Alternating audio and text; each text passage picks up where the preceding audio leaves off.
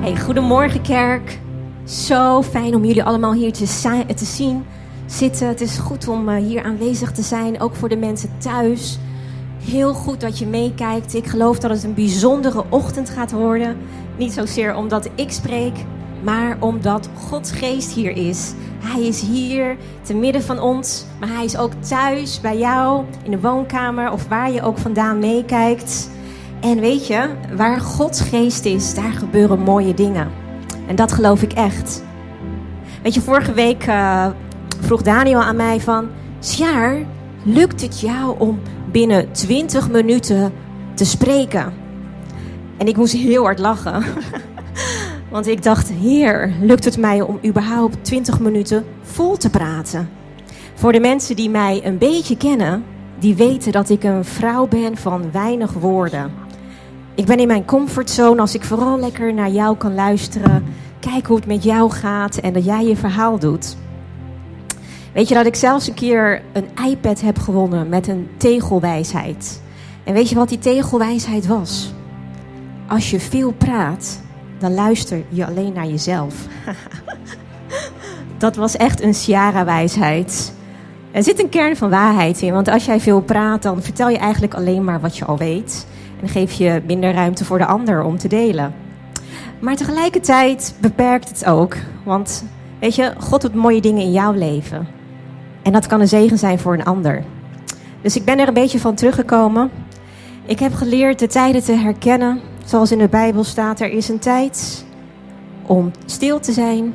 En er is een tijd om te spreken. En voor mij is vandaag de dag aangebroken om te spreken. Maar voordat ik dat ga doen, wil ik eerst gaan bidden. Dank u wel, Heere Jezus. Dank u wel dat u hier in ons midden bent.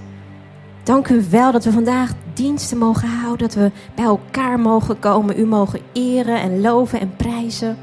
Dank u wel ook voor de mensen thuis, dat u dit allemaal mogelijk maakt, dat ze mee mogen intunen en connecten, Vader. Het is zo fijn om in uw midden te zijn, Heer. En Heer, ik bid, Vader, voor de harten van een ieder, dat ze geopend zullen zijn. Dat ze ja, vatbaar zijn voor wat u wilt doen vandaag. Ik bid ook voor mezelf, Heer, wilt u uw mond, mijn mond vullen met uw wijsheid, Heer. En doe wat alleen u kunt doen, Heer. Dank u wel. Dank u wel. Hey, en ik, uh, ik zit al een tijdje met een uh, tekst uh, uit het Oude Testament. En daar wil ik jullie in meenemen. Het wordt al een tijdje gehighlight bij mij. En ik dacht, dit is misschien wel leuk om met jullie te delen vandaag. En de tekst staat in Haggai 2, vers 10. En daar staat: Deze tempel zal mooier worden dan de vorige. En op deze plaats zal ik vrede en redding geven.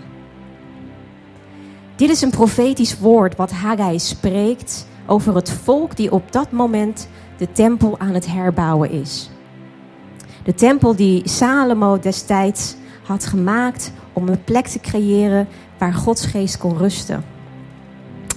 En um, dat is de tempel waar um, Haggai over spreekt, waar hij het volk mee bemoedigt. En weet je, de tempel van destijds was een plek waar mensen bij elkaar kwamen om onderwijs te krijgen. En ja, gewoon om van, Gods, uh, van God te genieten. Maar tegelijkertijd was het ook een plek waar er was één ruimte in die tempel. En dat was de plek de heilige der heiligen. En dat was de plek waar alleen maar de hoge priester mocht komen. Er zat een heel dik gordijn voor en één keer per jaar mocht de priester daar naar binnen om een zoenoffer te brengen voor het volk. Eén keer per jaar mocht de priester in Gods aanwezigheid komen. En dit is de tempel waar Haggai over spreekt. Maar kan het zo zijn dat deze tempel waar Haggai over profeteert eigenlijk Jezus is? Kan het zo zijn dat de tempel, die mooier wordt dan de vorige, dat een plek zal zijn waar vrede en redding zal zijn, dat Haggai spreekt over Jezus?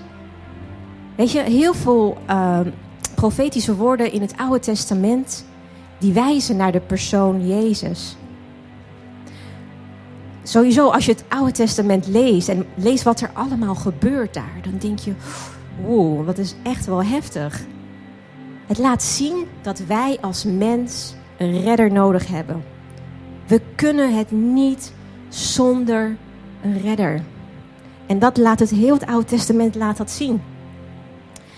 En ehm, waar ik met jullie mee naartoe wil gaan is. Laten we een sprongetje maken naar Jezus op dit moment. Weet je, toen Jezus hier op aarde kwam, toen werd hij de tempel waar Gods geest op rustte. Jezus zei zelf in Johannes 2, vers 19: Breek deze tempel af en ik zal hem binnen drie dagen weer opbouwen. En met die tempel bedoelt hij zijn lichaam. En in Matthäus 27, vers 51, dat is het moment dat Jezus aan het kruis ging en zijn laatste adem uitblies. En op dat moment scheurde dat gordijn in de tempel van boven naar beneden in tweeën. Dat gordijn waar alleen de hoge priester in mocht, waar de heilige de heilige kamer was. Dat scheurde naar beneden. En Jezus heeft ons de weg vrijgemaakt om voor een ieder van ons in de aanwezigheid van God te komen. Dat is zo krachtig. En ik geloof dat Jezus onze prototype is, onze zeg, eerste model van wat het betekent als je de tempel van de Heilige Geest bent. Want ik maak nu een sprongetje naar ons. Kan het zo zijn dat Haggai, wanneer hij spreekt over deze tempel, dat hij het ook over ons heeft? Want als we verder lezen in het uh, Nieuwe Testament, daar staat in 1 Korinthe 3, vers 16, spreekt Paulus en die zegt: Vergeet niet dat jullie de tempel van God zijn. En in die tempel woont Gods geest. Weten jullie dan niet dat je lichaam een tempel is van de Heilige Geest? En Hij woont in jullie. Jullie hebben van Hem gekregen. Dus wij zijn nu de levende tempel. De tempel waar Gods geest in rust. En wat ik met jullie vandaag wil gaan doen.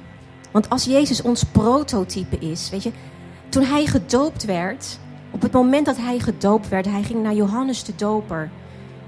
En hij werd gedoopt en toen hij van het water, toen hij naar boven kwam, toen brak de hemel open. Toen daalde de Heilige Geest op Jezus en hij bleef op hem. En Jezus hoorde een stem vanuit de hemel en die zei: Jij bent mijn geliefde zoon. Ik hou van jou. Ik geniet van jou. Gelijk daarna begint Jezus' bediening. Maar niet voordat hij door de woestijn moest gaan en waar hij door de duivel uitgedaagd werd. En de nummer één ding waar hij in uitgedaagd werd was zijn identiteit. Hij had net gehoord van God de Vader: Jij bent mijn geliefde zoon. En het allereerst waar de vijand hem op uitdaagt is: Als jij de zoon van God bent, als jij de zoon van God bent, dat herhaalt hij meerdere keren. En het is heel herkenbaar in ons eigen leven, weet je. Je hebt net God leren kennen en, en je wordt gedoopt en je bent vol van Gods geest. En het eerste waar, waar je in uitgedaagd wordt is... Oh ja, ben jij de dochter, ben jij de zoon van God? Hmm. Maar goed, dus Jezus was onze prototype. Hij was onze prototype van wat het betekent om de tempel van de Heilige Geest te zijn. En ik wil met jullie een paar uh, punten bespreken. Uiteraard, weet je, Jezus die deed zoveel hier op aarde. Ik kan het niet allemaal gaan benoemen. Maar ik wil je wel vragen, weet je, als jij wil weten wat het betekent dat jij de tempel bent van de Heilige Geest, waar zijn geest inrust, lees de evangelie, lees Johannes, lees Marcus, want daar staat zoveel in. Um, ik zit even te kijken. Ik wil een paar punten met jullie doornemen over het leven van Jezus van het moment dat hij gedoopt werd tot aan de kruisiging. En hoe hij hier op aarde leefde. En hoe hij ons voorbeeld is van wat het betekent als jij de tempel bent van de Heilige Geest. Het allereerste en een van de belangrijkste is, Jezus wist wie hij was. Hij had een persoonlijke openbaring gekregen het moment toen hij gedoopt werd. Hij wist, ik ben de geliefde zoon van God. Hij houdt van mij en hij geniet van mij. Het is zo belangrijk dat jij weet wie jij bent in Christus. Daar zit zoveel kracht in. Als jij gaat wandelen in jouw identiteit in Christus, dan gaan er wonderen gebeuren. Het tweede is wat Jezus ook echt had, is een intieme relatie met God de Vader. En dan kan je misschien denken van ja, maar Jezus was toch God? Klopt, hij was God, maar hij koos ervoor om naar de aarde te komen als mens, zodat hij de weg voor ons vrij kan maken, dat hij een voorbeeld was van hoe dat eruit ziet als jij in een relatie leeft met God. En hij had een intieme relatie met God. In Johannes 10, vers 30 lees je: Ik en de Vader zijn één. Hij was één met God. Zo mooi. Een ander punt is, Jezus laat zien wie God is. Hij laat zien wie God de Vader is. Ben jij ook iemand dat als jij de wereld instapt, laat zien wie God de Vader is? Weet je, we dragen allemaal iets mee van God. Ik vind het heerlijk om met verschillende mensen om te gaan. Want ik vind het heerlijk om de veelkleurigheid te zien van wie God is. Jij draagt iets mee wat een wereld nodig heeft. Jij laat zien wie God de Vader is. Een stukje van wie God de Vader is. Vergeet dat niet. Een andere, ook heel krachtig. Als jij de tempel bent van de Heilige Geest en je neemt Jezus als prototype van hoe hij leven deed. Het moment dat hij gedoopt werd en zijn bediening begon, het eerste wat hij deed, hij zocht zijn leerlingen uit. Hij zocht zijn dream team uit, als ik het zo mag zeggen. Weet je, hij laat zien dat je het niet alleen moet doen. Het is niet alleen jij en God. Hij kiest ervoor, Jezus koos er ook voor, om mensen om hem heen te hebben. Discipelen, mensen die hij opleidde. Niet alleen dat, het waren ook mensen waar hij leven mee deed. Hij deed daar leven mee. En hij samen met zijn dreamteam, samen met zijn discipelen, mensen die hij opleidde ervoor zorgde dat zij gingen doen wat hij deed en het, waarbij hij het stokje kon overdragen. Ik geloof dat wij ook geroepen zijn daarvoor. Wij kunnen het niet alleen. Wij hebben onze Dream Team nodig om Gods koninkrijk verder te brengen. Doe het niet alleen. Weet je, een van mijn mentors die zei altijd: If you find your people, you will find your purpose. En dat is zo krachtig. Vind je mensen, vind de mensen die een passie hebben voor God die Gods koninkrijk verder willen brengen. Die het heerlijk vinden om gewoon samen God te aanbidden en in zijn aanwezigheid te zijn. Doe het niet alleen, lieve mensen. Zo heeft Jezus het ook niet gedaan. Iets anders is, Jezus vertelt het goede nieuws aan iedereen. Hij vertelt het goede nieuws aan iedereen. Als jij de tempel van de Heilige Geest bent, dan moet het zo zijn ik zeg het heel streng, maar ik weet dat we allemaal onze uitdagingen hebben. Maar dan zou het eigenlijk zo moeten zijn dat overal waar jij gaat, dat jij hoop met je meedraagt. Hoe de situatie ook eruit ziet. Wees moedig en spreek hoop uit. Spreek hoop uit. Ik kan een klein voorbeeldje noemen. Afgelopen week moest ik naar Londen toe vliegen. Ik werk als stewardess in het vliegtuig. En ik was de ochtend al bezig van hier, wilt u iemand highlighten? wilt u vandaag iets door mij heen doen in het vliegtuig of op de airport? Weet je, want er is gewoon zoveel onrust op dit moment bij de mensen die moeten reizen. En ik weet wat ik met me meedraag. Ik weet dat ik de tempel ben van de Heilige Geest. En dat ik iets kan laten vloeien naar de mensen die misschien angstig zijn of bezorgd. En ik was in het vliegtuig en ik was echt aan het kijken naar alle passagiers. En ik zeg: Hier, is er iemand die u wil highlighten vandaag? Maar ik kreeg niks door. Dus op een gegeven moment, toen liep ik nog een keer de cabine in. En ik zag een meneer zitten. En ik keek hem aan en ik zag dat hij zo verdrietig was.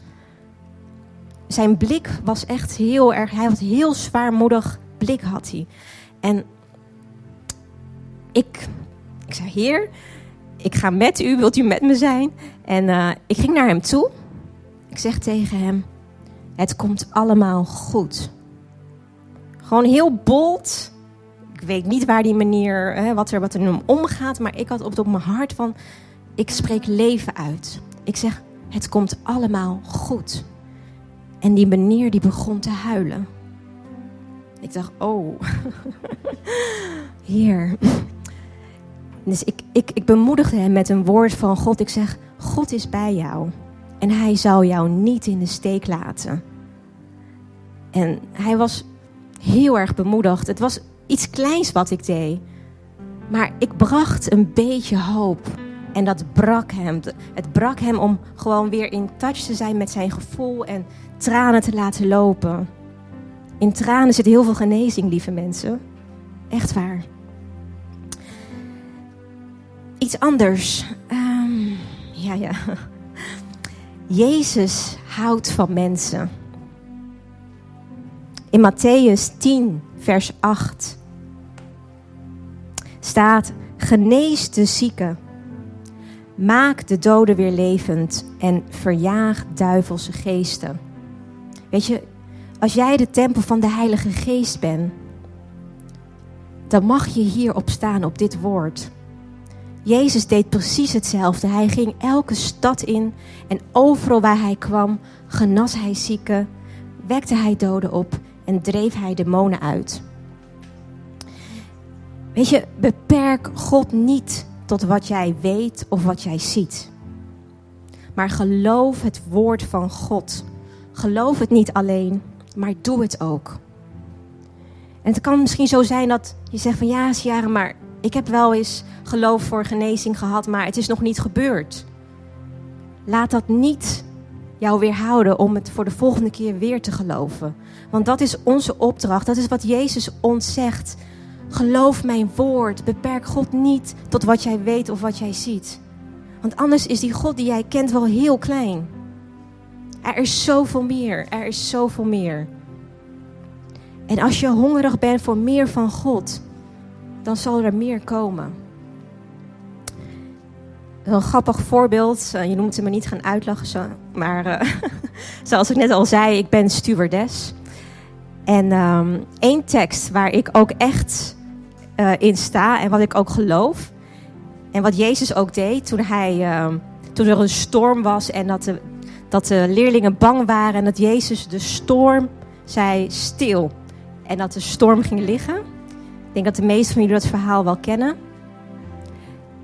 Bij mij op de vluchten is het turbulentievrij.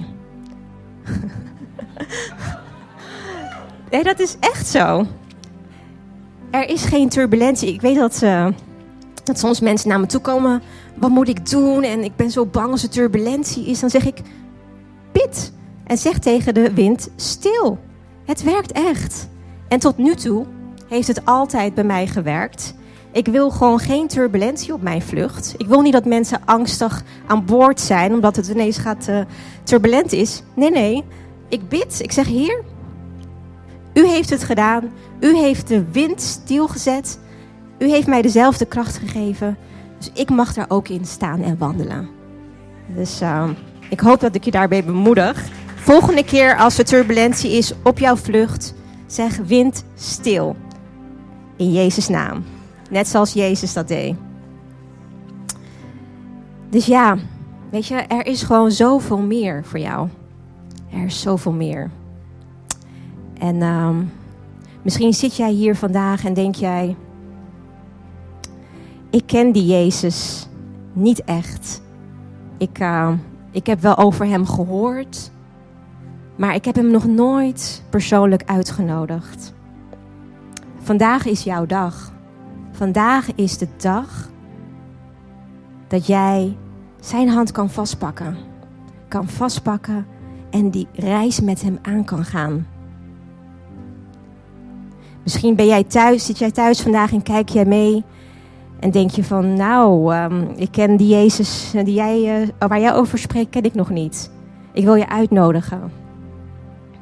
Pak zijn hand vast. Pak zijn hand vast. Hij is beschikbaar voor jou en hij wil de weg vrijmaken naar de Vader. Hij is de enige weg terug naar de Vader. Weet je, en God de Vader die houdt van jou. Hij geniet van jou. En ik wil jullie vragen op dit moment om allemaal even jullie ogen te sluiten. En ik wil een Psalm 23 over jullie uitlezen.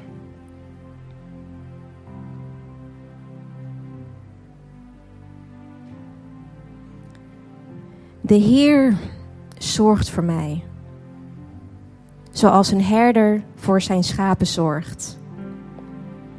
Ik kom niets tekort. Hij laat mij rusten in groene velden. Hij laat mij drinken uit rustige stroompjes. Hij geeft me kracht. Hij helpt mij om te leven zoals Hij het wil, omdat Hij dat heeft beloofd. Zelfs al ga ik door een donker en diep dal, een dal van moeilijkheden, ben ik nergens bang voor, want U bent bij mij. Met uw stok en uw herderstaf beschermt u mij. En u stuurt mij bij. Het troost mij dat u dat doet. Mijn vijanden zien hoe goed u voor mij bent. U zet een feestmaaltijd voor mij neer en u zalft mijn hoofd met zalfolie. U schenkt mij beker vol, zodat hij helemaal overloopt. Uw goedheid en liefde zijn mijn leven lang bij mij. En ik mag mijn hele leven dicht bij u zijn. Dank u wel, Heer, dat u zo dichtbij bent. Dank u wel voor uw goedheid en uw liefde. Dank u wel dat u mijn hoofd met zalfolie zalft. De kracht van de Heilige Geest, dat die op een ieder is op dit moment. Doe wat u alleen kunt doen, Heer. Wilt u een ieder op dit moment aanraken met uw liefde, met uw vrede.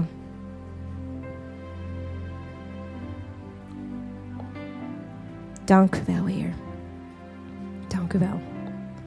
Wees gezegend. Dank je wel.